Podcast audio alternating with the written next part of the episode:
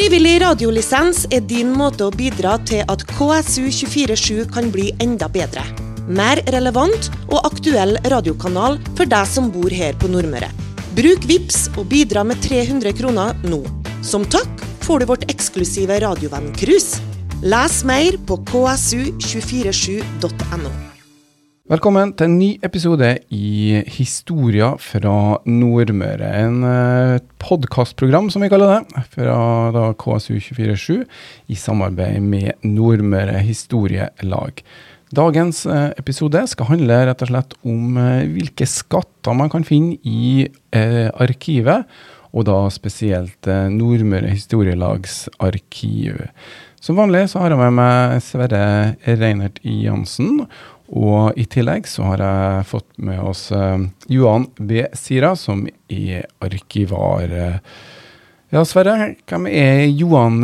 Fortell litt om han. Ja, dette er jo det fjerde programmet som vi har da, i samarbeid med Historielaget. Og det Johan B. Sira, han er arkivar, eller sjefen for arkivet som Nordmøre Historielag har. Um, og det, Han har lagt ned et veldig arbeid for arkivet, slik at uh, arkivet nå er mer oppegående enn noen gang har vært tidligere. Og det er oversiktlig og uh, det er systematisk satt opp, slik at uh, vi har lett for å finne fram i arkivet. Og det er et ganske stort arkiv. I tillegg til det så har vi fått nye lokaler som passer veldig godt til arkiv, sentralt plassert i Kristiansund sentrum. Men Johan, har du drevet med historie tidligere? Jeg har alltid vært interessert i uh, historie.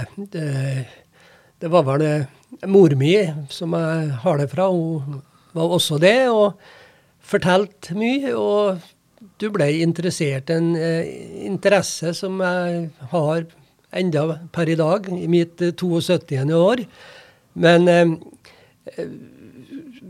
virkelig eh, aktivt historisk arbeid eh, drev jeg på med oppe i Sør-Varanger, der jeg bodde i 30 år.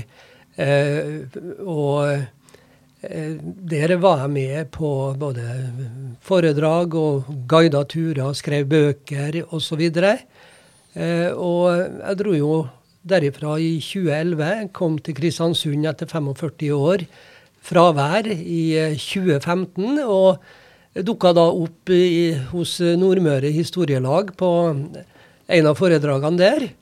Og bestemte meg for å, å gå inn i historielaget. Eh, bare som vanlig medlem, men så er det jo sånn at en blir jo lett eh, dratt inn i ting. Og jeg ble jo bl.a. da eh, dratt inn i arkivarbeidet. Men arkivet som vi hadde tidligere, altså, hvordan er historia på dette arkivet vårt? Eh, eh, det tidligere var jo bl.a. i eh, Dalabrekka skole, i kjelleren der. Men det er også historie tilbake til, til ungdomsskolen.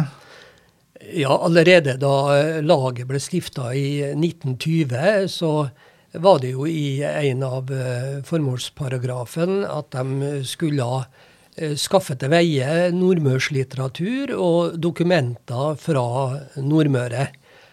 Og eh, det første arkivet, det var jo på Den høyere skole.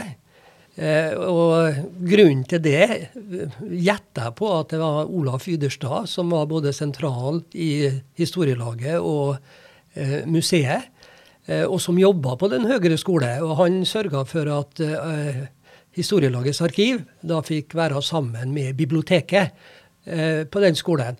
Og så skjedde jo det da i 1940 at eh, eh, skolen brann, biblioteket brann, og Historielagets arkiv brann, med et, noen få unntak. Den høyere skole, hvor ligger den, og hvem gikk på det? Hva slags nivå er egentlig det sammenlignbart med i dag? Det er vel eh, Altså, den lå vel i skolegata? Ja, det var jo en blanding mellom realskole og gymnas, regner jeg med den gangen ja. også. fordi at uh, det er jo en del som har uh, jobba sammen med Ytterstad. Johan Tømmervåg har jo bl.a. jobba sammen med Ytterstad. og Han ja. var jo også historieinteressert og formann i bl.a. Nordmøre museum. Ja. Det var, det var jo en nær connection mellom ja. Nordmøre museum og Nordmøre historielag i uh, mange mange år. Det var, det var, ganske nært, for uh, igjen eksempelet med Yderstad. Han uh, hadde jo ett bein i, i hver organisasjon Ja. i, uh, ja, helt frem til han døde. Det var jo 1962. Eh, så mye av arkivet det brant altså i 1940, men, men eh, eh, noen protokoller, eh, medlemsprotokollene, eh, hadde kassereren hjem til seg. De ble redda. Og noe annet materiale. Og under krigen så ble noe av det Ja, jeg flira når jeg eh, leste det. Ble murt eh, inn i en bakerovn eh, inn på Gjemnes. I, eh, det var vel 1,42 og lå i en ovn som jeg vil tro ikke var i bruk. Til 1945, da eh, arkivet ble henta til Kristiansund. Og da var det igjen felles med museet i et eh, betongbygg eh, i byen frem til 62. Og da var det vel daværende ordfører Vår Meide. Han var formann i historielaget. Ja, ivrig også i historielaget, som eh, hjalp laget slik at de fikk innpass hos eh, biblioteket, som da lå eh, i kinohallen, fra 62 til 68. Da trengte de plassen sjøl, men vi fikk være der da ett år lenger, til 69, da kommunen ordna med et arkiv oppi oppe i kjelleren på Dalbrekka skole. Men da ble dere separert fra Nordmøre museum, eller? Ja, altså nå var det jo eh, et eh, årboksamarbeid i, eh, i mange år. Eh, Det gikk, begynte vel så smått i 1.72, eh, hvor det står at årboka også var organ for Nordmøre museum. Men det samarbeidet, som utvida seg ganske kraftig med årene, når det gjaldt årbokproduksjon, det tok vel slutt i 94. Slik at fra 95 så hadde museet og Nordmøre hver sin årbok som kom ut. Og det samme er tilfellet i dag. Men det var litt fordi at det Nordmøre museum ble flere folk, mer eh, profesjonalisert. eh, Litt det som bidro til at Nordmøre museum Ja, jeg tror eh, at det- det var en, en av grunnene til at det ble slik som det ble. og Sånn har det jo egentlig vært med historielaget også. for Da Nordmøre historielag ble stifta i 1920, så var det jo egentlig bare det historielaget på Nordmøre. Eh, Romsdal Sågelag ble jo stifta året etterpå, så vi var egentlig ganske tidlig ut, selv om sunnmøringene var enda tidligere. Men eh, da var det bare Nordmøre historielag i 1920. Men siden så har det jo blitt mye satellitter rundt omkring i alle kommuner. I Aure, i, på Averøya, på, i Bøfjorden. ja, Mange steder har det blitt historielag som jobber veldig aktivt og gir ut årbøker, sånn som Nordmøre historielag gir, gir ut. Men eh, det er vel eh, Skal ikke skryte så mye, men eh, den største årboka er vel vår årbok som, som gis ut eh, altså en gang i året. Rundt sånn sommeren, før eller etter sommeren. Og den går helt tilbake til eh, historielagets eh, Ja, til 21, 1921. Ja. Så vi har alle de årbøkene, har vi ikke, Johan? Vi har alle, De vant ikke å få ut årbok for stiftelsesåret i 1920, men fra og med 1921 og frem til i dag, så har årboka kommet ut hvert år, og vi har alle årgangene. Komplett det hadde vi ikke bare for få år siden, men så kom det inn eh, det vi mangla. Ifra, det var vel både dødsbo og, og fra annet hold, så nå er det komplett. Og de årbøkene som vi har nå, de er ganske fine. De er røde i, i, på ryggen og sånn. Og det er mange faktisk som samler de, som bruker det som samleobjekt. Fordi at de, de eh, spør etter de årbøkene som de mangler, da. Men vi har eh, alle årbøkene. Men vi har ikke så mange av alle årgangene, da. Men av noen årganger så har vi veldig mange årbøker. Og det går altså an å kjøpe dem de har mer enn ti av, ikke sånn? Ja, det er sånn, ja. Det er korrekt. Men eh, altså, arkivet er jo da et sted å finne mm, informasjon og en del skatter. Man kan sitte timevis i et arkiv. Eh, Hvis jeg nå som eh, glad amatør eh, ville kanskje har ei historie, da. Eksempel, jeg har jo ei det må jo bli ei grandtante, da, som det heter, søstera til min bestefar, som gifta seg med en tysker i 1945. Jeg har ikke fått hørt hele historien i min eh, familie, men eh, vi var nå i Tyskland eh, på 70-tallet en gang og besøkte slektninger der, da. Men kan man finne fram i sånne historier? Er det bare å ta kontakt med dere? Hvordan kan man gjøre det? Jeg bruker jo å si til folk som er interessert i historie og historielagets arkiv og hva vi har og ikke har, at uh, gå først og fremst inn på hjemmesida til historielaget under arkiv. Der uh, er hele arkivet lagt inn. Det generelle arkivet for seg og krigsarkivet for seg. Og det er søkbart. Slik at der kan en få et lite hint. Er det noe å hente her, ut ifra det jeg er interessert i? Hvis en finner det, eller for så vidt ikke, så er det bare å ta kontakt med en av de to eh, arkivarene som står eh, oppført. Kontakt eh, en av dem. Så gjør vi en avtale om å møtes i arkivet, som er nå i kjelleren under gamle posthuset på Kongens plass. Så leter vi videre derifra. Og, og den arkivaren som Eh, blir plukka ut til det spesifikke oppdraget, vil jo da undersøke litt på forhånd, lete litt på forhånd, slik at eh, en slipper å, å begynne helt fra scratch når vi møtes nedi der. Men la meg si i tillegg altså, for det vet jeg godt om, at det er veldig mange som i løpet av året henvender seg til Nordmøre historielag for å få uh, for opplysninger om slekta si og familien sin og sånt. som uh, Vi jobber med det, og vi har en del uh, ressurspersoner her da, på Nordmøre som jeg kan sette på forskjellige oppgaver, som finner fram til stoff fra de som måtte ønske å ha stoff om familien eller, eller andre ting. Og Det er veldig interessant for oss, og da blir også Storelagets arkiv veldig aktuelt. Ja, og det som er litt uh, artig, om vi skal se det sånn uh, Etter at uh, arkivet ble lagt ut på, på, nettet og søkbart, så er det henvendelser fra hele landet. Det kan være studenter. Det kan være faghistorikere, det kan være amatører interesserte i historie. og og, og henvendelsene kommer, og vi prøver å hjelpe alle. Så uh, ta kontakt hvis man har noe, så man, tar man det derfra. Men det er et viktig ting. Man får ikke lov å ta med noe ut fra arkivet.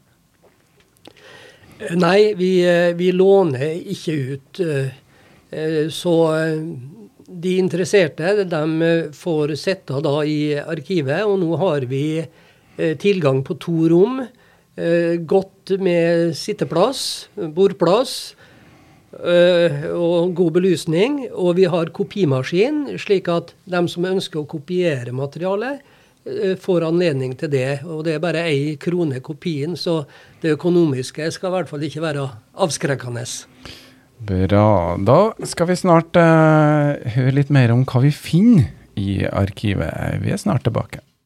Frivillig radiolisens er din måte å bidra til at KSU247 kan bli enda bedre. Mer relevant og aktuell radiokanal for deg som bor her på Nordmøre. Bruk VIPS og bidra med 300 kroner nå. Som takk får du vårt eksklusive radiovenn-cruise. Les mer på ksu247.no. Nordmøre Historielag sitt eh, arkiv er dagens eh, tema. og vi har fortsatt med oss da um, Johan B. Sira og, og um, Sverre Reinert Jansen. Vi uh, har hørt litt om uh, arkivets historie, men uh, hvordan det, hvordan samler de inn arkivet? De, hvordan har de greid å fått så mye stoff? og Hvordan oppstår på en måte innsamling, eller hvordan gjør dere det? Det er jo som sagt et historielag som nå er 101 år. Eh, og allerede fra første stund av, i 1920, så var jo det med å bygge opp et arkiv eh, av dokumenter og av eh, nordmørslitteratur eh, et av poengene. Så det er klart, i løpet av eh, over 100 år så har det samla seg opp ganske mye interessant materiale, sjøl om dessverre mye brant i 1940. så, så har vi mye eh, over en lang rekke temaer. Det fortelles jo historier om hvordan de jobba i Nordmøre Historielag tidligere. De reiste jo rundt på distriktet, bruker somrene sine for å reise på distriktet og samle stoff og sånn. Og de satt jo liksom sånn Brein gjorde, si, og, og, og samla inn stoff fra folk som kunne fortelle og, og skrive ned og sånn. Så jeg er sikker på at mye av dette her brente under krigen, og som eh, vi ja, ikke har i dag. Eh, fra 1931 så ble det jo samla inn stedsnavn Eh, fra bygda på eh, Nordmøre eh, av lærere og skolebarn. Og de drev på gjennom hele 30-tallet. Men dessverre, det var jo av det materialet som brant i 1940. Så det er mye verdifullt materiale som har gått tapt. Men eh, igjen, vi har, vi har, veldig mye igjen. Og eh, det er jo to rom som er fullt av uh, historisk materiale. Så det, det, er nok å ta av fortsatt.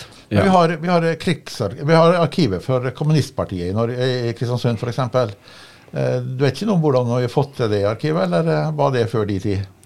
Det var nok før min tid, men jeg, forsto det at uh, det var noen med partitilknytning som eh, leverte eh, på et tidspunkt. Eh, og det er vel materialet som går Altså det Kristiansund kommunistiske partiet det er snakk om her. Og det eldste materialet der er fra 1923, så vidt jeg husker. Og så gikk det frem til 1972. Og det, en av de første underskriftene jeg så, det var Karl Åndal. Og en av de siste var Karl Åndal. Han eh, døde vel i 1972, så han eh, var med fra begynnelsen til slutten eh, i det arkivet. Veldig interessant eh, arkiv, som enkelte har vært inne og, og kikka på. Men eh, det er klart at det ligger det nok eh, både en, en, masteroppgave og litt annet å, å vente. Tor Larsen forteller jo om det at Karl Åndal døde eller ble syk på et formannskapsmøte. Eh, hvor Tor Larsen bl.a. var til stede. Så det er dramatiske historier rundt uh, Kristiansund kommunistiske parti. Men skolehistorie i Kristiansund, da, vi har en del av den også? Ja, vi har uh, Fra Kristiansund og Grip står det, fra 1862 til nesten til vår tid, la oss si. Det er 63. Årsplaner og møter og vedtaks- og skoleprotokoller og sånn fra skolehistorie i Kristiansund. Ja, vi, vi, har veldig mye materiale fra altså rundt midten av 1850-tallet eh, og, og, fremover. Og må, det slo meg at de drev sannelig seriøst og godt innenfor skoleverket før òg, ja. Mm. Det, det, det, årsplanen, grundig, god, gjennomarbeid. imponerende. Men du Johan, eh, han som i dag skriver eh, Kristiansunds historie, han eh, bruker mye arkivet vårt. Hva leter han etter? Han eh, Jon Skeie? Eh, nei, det er egentlig over et eh, bredt spekter. Det er, det er jo bl.a. bybrann og hva som skjedde i i den forbindelse, planen for uh, gjenoppbygging av byen begynte jo allerede under krigen. Og der var det både eh, norske myndigheter inne i bildet, for å si det på den måten. NS-myndigheter og, og, til og med Terboven blanda seg jo personlig inn i gjenoppbygginga av Kristiansund. Eh, og så er en jo interessert i den tyske militære oppbygginga her. Eh, sivilbefolkningas situasjon. Eh, ja, han er egentlig interessert i det meste som har med krigen å gjøre, både på den militære og den sivile administrative sida. Så der har vi kunnet hjelpe han med ganske mye sånn ja, lokalstoff? Det vil jeg påstå. Og når han ikke har vært der, så har eh, skal vi si assistenten hans, Petter Ingeberg, eh, som leder bokkomiteen, eh, vært der på hans vegne. Så det, det har blitt noen eh, timer på dem nede i arkivet det siste halvannet året. Men eh, altså, Det er jo Krigsarkivet, men det består av flere deler som man har da av fra krigen. Eh, kan du litt om de ulike delene som de har fått? Ja, det ble jo satt ned en komité i 1975 som jobba til 79. Og som skulle samle inn informasjon på bredt og generelt grunnlag. Ikke bare fra Kristiansund, men fra hele Nordmøre. Og det var jo han Henrik Sverdrup fra Kristiansund som ble leder. Og han hadde jo flere sammen med seg. Og dem som endte opp til slutt, det var flere personer inne i bildet, men det var han som leder. Og så var det han Einar Sæter fra Sunndalen og Hans Olav Brevik, opprinnelig kristiansunder, men da bosatt i Molde. Og en Kristen Bjerkål fra Averøy. Det var de fire som sto for det meste av arbeidet. Og før han doktor Erling Christensen eh, døde i 1977, så var han jo med eh, i komiteens arbeid. Og de fikk gjort mye på de fire årene. Og det er jo i dag da kjent som Krigsarkivet til historielaget. Hvilke skatter finner vi der, hvis man kan si det på den måten? Ja, der er det mange skatter, om en skal bruke det uttrykket. Enn om du liker, eller som du har gått litt dypere inn i som arkivar, eller? Eh, altså Jeg har jo i unge år, før jeg dro fra byen her i 71, så jobba jeg en del med de tyske festningsanleggene på Nordmøre.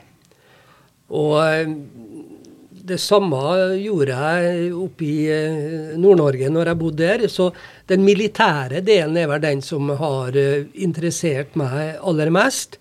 Og, men her eh, hos Nordmøre Historielag så har jeg vel vært innom alt. For eh, han Sverre han spurte om jeg kunne ta en gjennomgang av eh, arkivet. Det var vel i 2016. For det var få som visste hva det inneholdt etter hvert. Jeg hadde jo ligget i mange år i arkivet på Dalabrekka skole og sovet en tornerosesøvn. Og det gjorde jeg, og i 2017 så hadde vi da en, en totaloversikt over hva det var. Og da måtte du innom alt. Og i tillegg til den rent militære delen, utbygginga, så har vi jo motstandsbevegelsen her i, i Kristiansund og ellers på, på Nordmøre. Og leder Det var jo tredelt. Sivilorganisasjonen ble ledet av uh, han doktor Erling Christensen. Og Milorg, militærorganisasjon, der var det han Georg Enge. Og XU, det var jo han William Dahl. Det er liksom uh, XU, den mest hemmelighetsfulle biten, det da? eller? Ja, det var den etterretningsorganisasjonen det som samla inn opplysninger. Hvor man ikke kjente hverandre, egentlig? Ja, uh, nå uh, har de jo sjøl skrevet i papirene, ser jeg, at forholdene var ikke større enn at lederne de visste om hverandre. Så det var nok enkelte besøk Eh, mellom dem i løpet av eh, krigsårene. Så eh, Enge og Christensen hadde vært kontakt, og Dahl og Christensen hadde òg kontakt. Og sikkert flere. Men det var mye spennende tider den gangen, så det var sikkert mye hemmelighold også. Men nå har vi jo fått opp en del. Vi har jo bl.a. fått dette her Milorg-arkivet. da. Hva er det, inneholder det?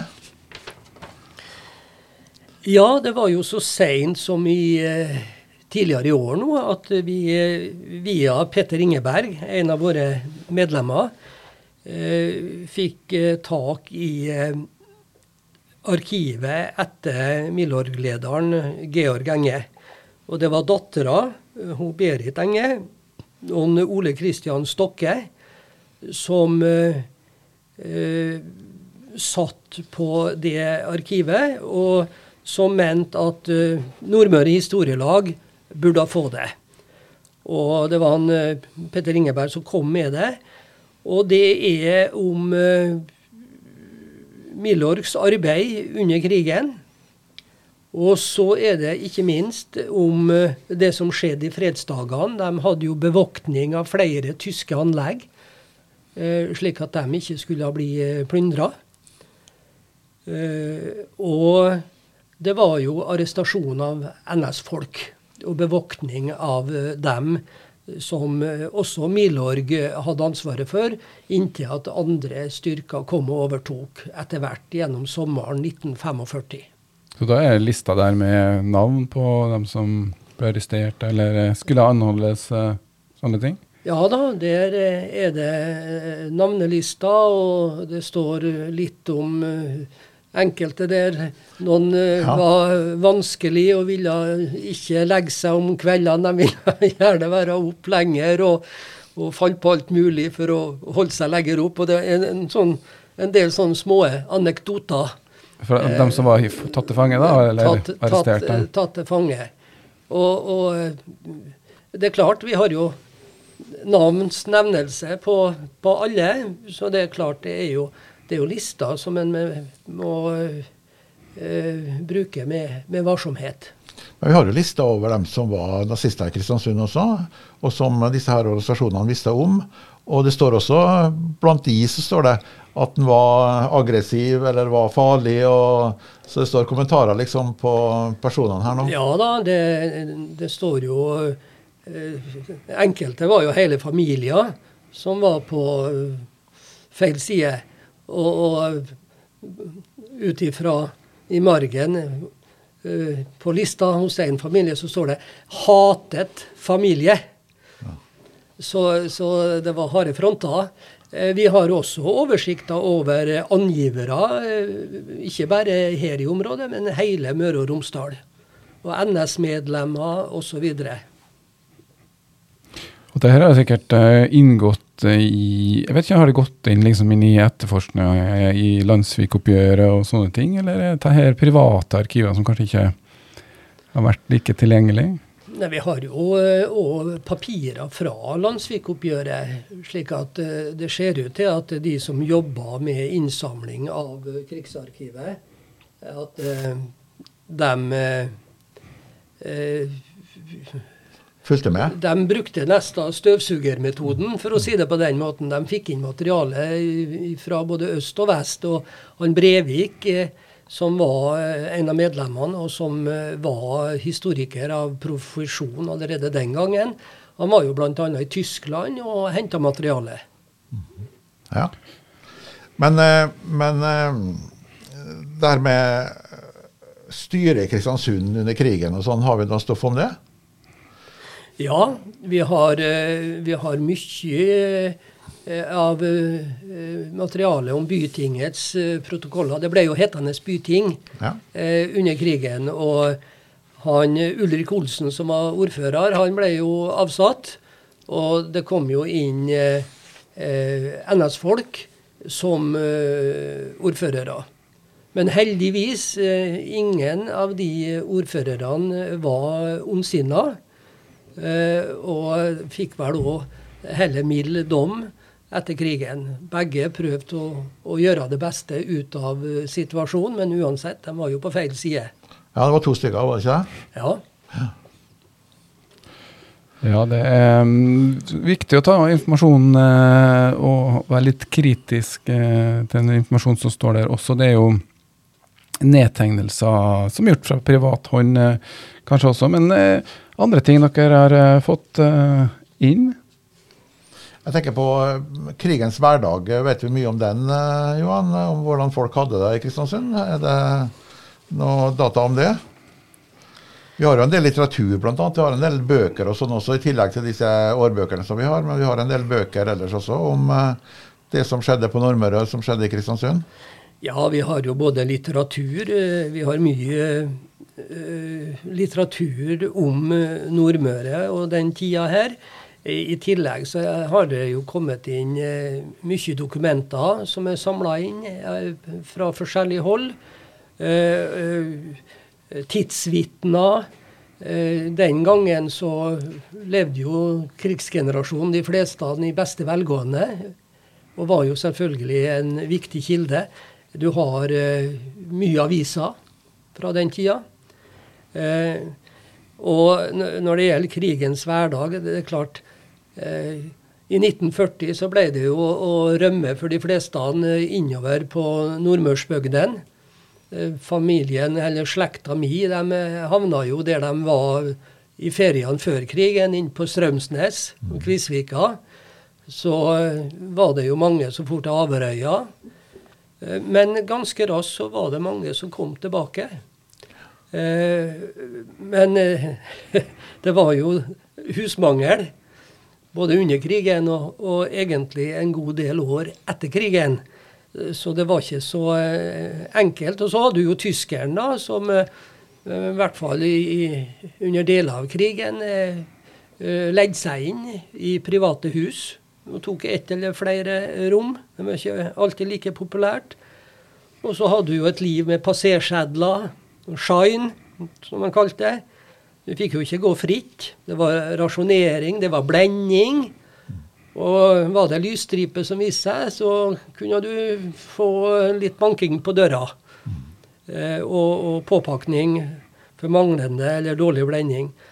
Eh, så ble det jo mye tyskerarbeid, så det var jo ikke arbeidsledighet. Det, folket kom jo i arbeid, for å si det på den måten. Det Men det var, var, greit med å jobbe for tyskerne? Eh, både òg, vil jeg tro. Noen tok nok et klart standpunkt. Andre var mer pragmatisk. Eh, vi må ha mat på bordet. Vi må ha noe å jobbe med. Og situasjonen er som den er.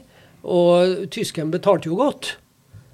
Eh, jeg husker en bekjent av far min sa jo at han jobba ute i Karjola. Og det var jo en timespris som lå langt over det som var vanlig ja. i, i, den tida. Så det var godt betalt eh, eh, arbeid.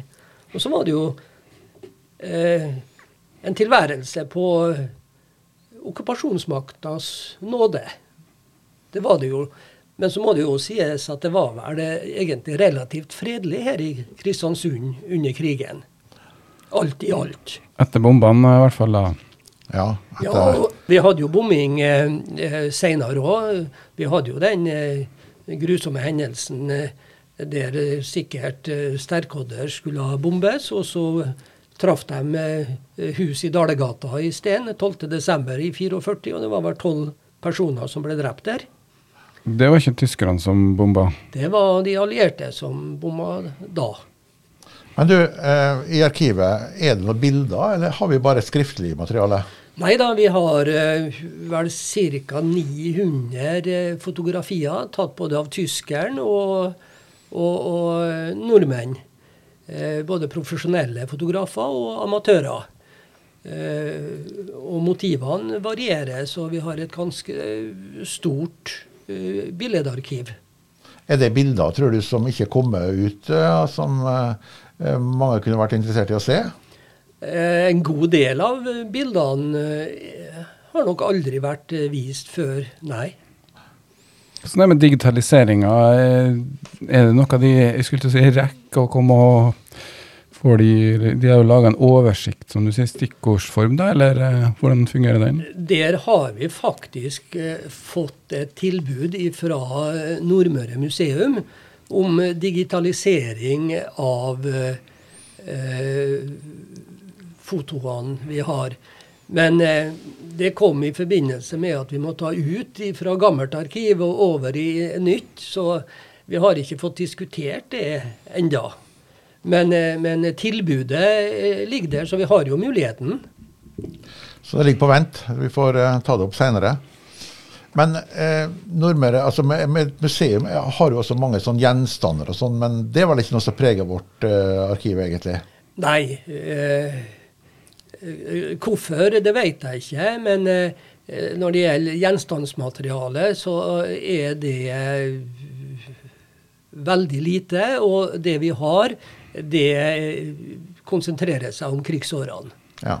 Vi har, vi har en, en, radio brukt av motstandsbevegelsen. Vi, vi har en komplett fallskjerm fra krigens dager. Og vi har en del andre gjenstander. Men det er bare ei eske. Det tar ikke mer plass enn det. Nei. Ja, men da eh, er det mye arbeid, føler du det? At arkivet er så stort at vi har jo ikke, det er jo ikke noen lønnsordning på dette her, sånn at det er frivillig alt som gjøres? Ja, det, det, hele historielagets virksomhet baserer seg jo på frivillighet. Så, så, det er som det er. Og noe økonomisk kompensasjon, det, det er helt uaktuelt eh, for min del, og, og, og selvfølgelig for lagets del òg. Så det, det, her er frivillighet. Eh, jo, det er blitt ganske mye arbeid etter hvert.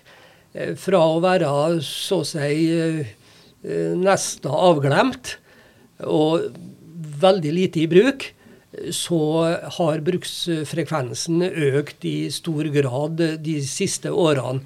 Ikke minst etter at vi fikk laga oversikter, og at den ble lagt ut på nettet og er søkbar. Eh, da har interessen økt. Og som vi har snakka om tidligere, vi prøver å eh, svare alle. Uh, uansett hvor de kommer ifra, og uansett hvilken bakgrunn de har, så prøver vi å yte service. Og utrolig mange ganger så har vi materiale så det er få ganger vi måtte ha sagt at dessverre, eh, vi har eh, ingenting vi kan hjelpe dere med. I de tilfellene så prøver vi å sende dem videre, f.eks. til Nordmøre museum. Eh, eller til mer nasjonale institusjoner. Forsvarsmuseet, Hjemmefrontmuseet osv. Men Johan, hvis det nå sitter folk som hører oss nå på radioen her, og som har stoff på loftet eller i kjelleren eller andre steder, som er fra krigen f.eks., eller som er familiehistorier, slektshistorier. Eh, kan de ta kontakt da, eller? Ja, så eh, absolutt. Vi har plass til mer materiale i vårt nye arkiv, vi. Så vi, vi tar imot. Eh, og dessverre så er det vel sånn at det er veldig mye interessant historisk materiale som har gått tapt opp gjennom årene pga. at eh, ja, ved dødsbo så har det funnet veien på Hagelin eller ved nærmeste søppelplass, som det er øvrige plasser på Nordmøre. Eh, og vi vil jo mye heller at det materialet skal komme til oss, enn at det blir eh, kasta. Er det slik at det folk tenker ikke er så viktig, kanskje er viktig likevel? Eh, absolutt. Absolutt. Og eh, jeg har et lite eksempel eh, her når det gjelder hva folk mener at de sitter inne med av kunnskap eller ikke. Det var en som jeg samarbeidet med oppe i Sør-Varanger. Han var i politiet under krigen og mente jeg ble kjent med ham på 80-tallet. Og han mente lenge at nei, han hadde ikke noe å fortelle. Eh, og så viser det seg det, og jeg visste det jo etter hvert, at eh, han eh, var jo med på jakta på landssvikere etter krigen. Han avhørte gestapister. Han var med og fant flere lik oppe i Sør-Varanger. han var med og bygde opp overvåkningstjenesten i lokalmiljøet etter krigen. men altså mente at det der var ikke så viktig. Inntil at en sjøl innså at ja visst er det her viktig. Og Enkelte ganger så må de bli fortalt at både den kunnskapen de sitter inne med, og det materialet de besitter, det er viktig for ettertida. Det er jo litt sånn uh, detektivhistorie hvor da vitnene blir bedt om å fortelle egentlig alt, og det er ikke alltid vitnene eller dem som har opplevd ting i historien, der en vet, som, som du sier, at det kan være historisk eh, betydningsfullt i, for en som er på jakt etter å få bekrefta de ulike informasjonen som ligger bak. da. Det er mye som har kommet inn til Nordmøre historielag, og, og vi har snakka mye om krigen, og det er klart det, men de har jo f.eks. sånne ting som Husmorlaget har eh, de historier fra. Et arkiv fra? Ja, Vi har eh, forskjellige lag, egentlig organisasjoner som har eh, levert inn sitt eh, arkiv. Husmorlaget var i drift fra 1935 til 60, 1996. ja. Uh, Nordmøre krets og Norsk Husmorforbund de har vi et arkiv til. Uh, Egil Husby han var jo lektor i Kristiansund i mange år og har et arkiv. Oddmund Ødegård er mange som kjenner, som eh, jobba mye med konvoibyen i Kristiansund på Innlandet og har mye i arkivet vårt om eldreomsorg og Hagelin. Konvoibyen, det var jo også krigsseilerdelen? Det, det, det var krigsseilerne, ja. Og han var jo en av dem da som engasjerte seg i den eh, saken. Og, og, det kom jo til slutt da òg en konvoiby, ikke bare på Bæreia eh, på Østlandet, men det kom også en her på Innlandet. Ja, og den delen av historien har det selvfølgelig også i, historie, i krigsarkivet. Ja, har, eh, Det ligger eh, bl.a. på arkivet til han eh, Har, Derfor så er det litt greit at de som lytter på, hører at vi har personalarkiv fra forskjellige personer som har hatt en betydning i Kristiansund eller på Nordmøre, og som vi tar inn stoff fra. Det eldste stoffet vårt er jo fra 1704 eller noe sånt. Hva er det? det bli gammelt. Ja, det er vel en, et Nytestamente fra var det ikke 1703 eller noe sånt. Ja. Så, så, jo da, det er ganske lang eh, spennvidde. Når du snakker om eh, det med privatarkiv og mer eh, lag- og foreningsarkiv, eh, så har jo vi fått inn enkelte arkiv, da, som du var inne på, Sverre. Eh, organisasjoner, eh, foreninger som har eh, avslutta sin eh, virksomhet, og som da har endt opp hos oss. Og Det er jo det samme med de private arkivene, med de personene som ble nevnt her tidligere nå, som ut ifra personlig interesse bygde opp ganske store privatarkiv med forskjellig materiale og som eh, fant veien hos oss da eh, på forskjellige måter. Og eh, noen av dem er temmelig omfattende og inneholder mye interessant materiale. For det er jo sånn at arkiv, og da også historielagets arkiv, det blir jo på en måte en felles hukommelse. Vi mennesker vi er forgjengelige, vi dør eller glemmer lett. Og da er det det vi finner i arkivet. Og det har jo vist seg gang på gang at ingen har huska. Og, og, det klassiske det er jo det at vi kjørte jo lenge på fem æresmedlemmer i Nordmøre Historielag. Og så begynte vi å Når Sverre satte oss i gang til å begynne å jobbe med arkivet, så, så kom det plutselig frem fem navn til. Så vi har egentlig ti æresmedlemmer. Men de fem som mangla. Det var ingen som huska lenger. Men arkivet husker det. Det er helt tydelig hvorfor man må få notert ned ting. Eh, eh, masse artige historier. Noen um, eksempler. Det er Krambu-gutten som ble finansminister. Hva er det slags arkiv Hva slags rester eller materiale har de fra, fra sånne ting? Det er rett og slett samarbeidsprosjekt eh, om bøker. Og en hadde jo en serie sammen med Nordmøre museum. Bl.a. utgivelse av Krambugutten, som ble finansminister. Han Ola Furu han var fra Sunndalen opprinnelig. Ja. Og han var bondegutt. og Han ble utdanna seg til jurist. Han eh, eh, ble eh, Han var sagfører her i byen, hvis jeg ikke husker feil, blant annet. Og han ble finansminister. Så det var en som virkelig gjorde karriere. Og jeg tror faktisk at det er et bilde fra gamle Kristiansund, hvor han står med flosshatten på torget eh, og, og hilser på noen. Og så står det vel under er det gamle eh, Ole Furu som, eh, som står der. Eh, og så har vi dagboka her eh, til Jakob Christian Tokle. Eh, han var jo fra inn i fjordene her, og han eh, var veldig interessert i, eh, i, i planter, botanikk. Og, og bygde opp en uh, veldig flott uh, hage. Han jobba vel òg hos uh, han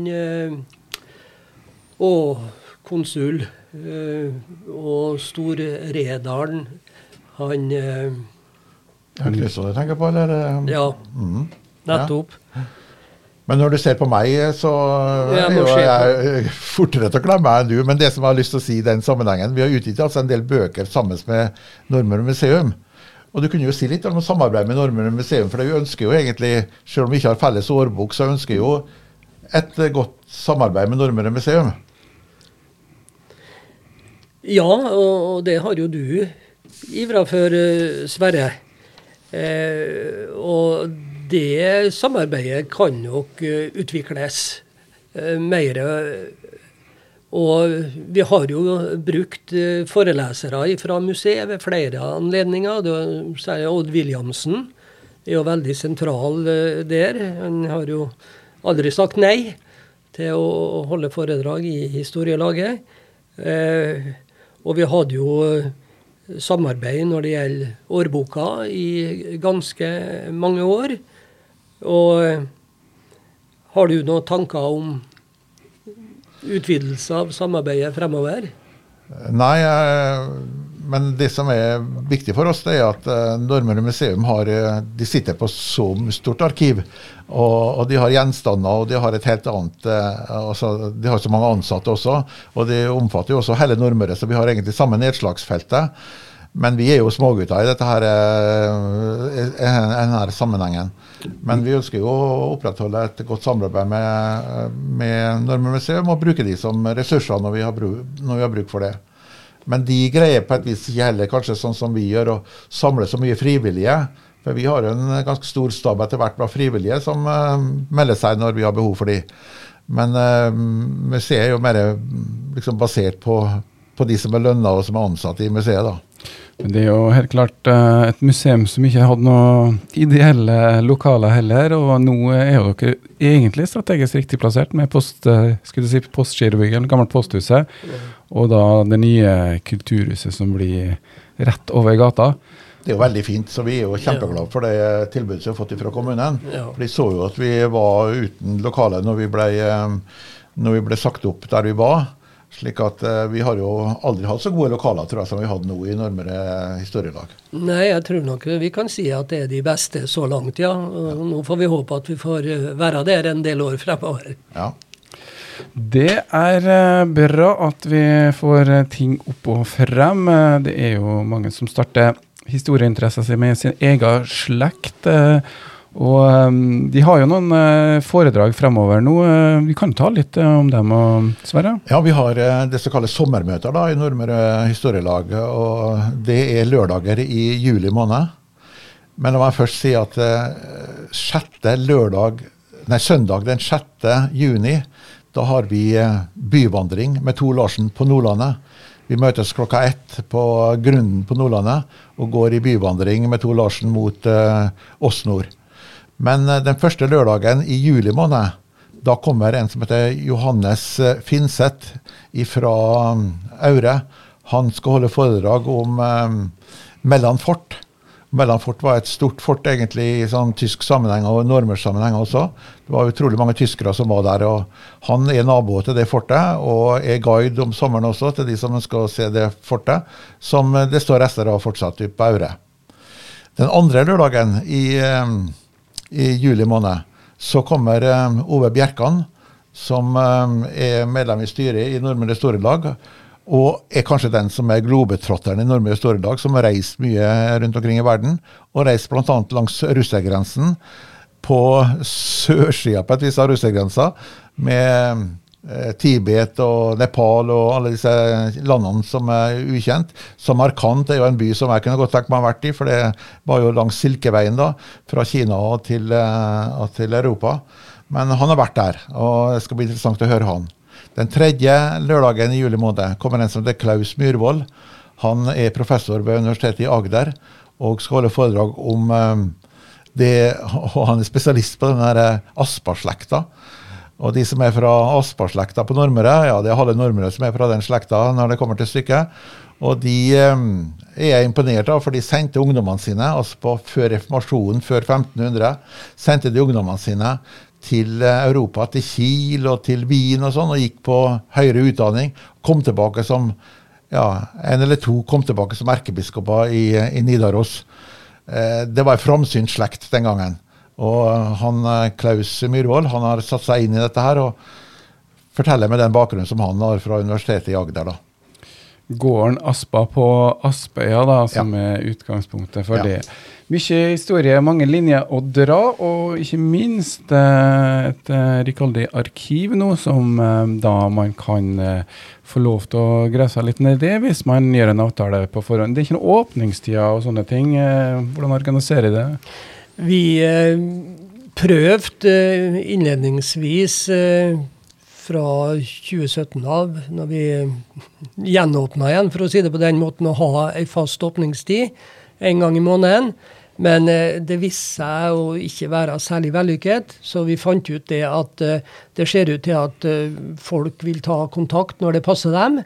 Og sånn har det blitt. Så nå kan interesserte ta kontakt med en av de to arkivarene, eller for så vidt ringe styreleder òg. Eh, og så ordner vi avtalene ut ifra det. Ja, for det er Johan B. Sira da, og Ove Bjerkant som er arkivarene i Nordmøre Historielag. Og jeg skal si tusen takk til deg, Johan eh, B. Sira og Sverre Reinert Jansen, som er med oss. Eh, har vi en plan for eh, neste gang? Ja, vi har en plan. Vi har en plan med en som heter Andreas Sandvik, som er historieinteressert også. Gammel, ikke gammel, men han er lærer i Kristiansund. Han er pensjonert lærer nå, da.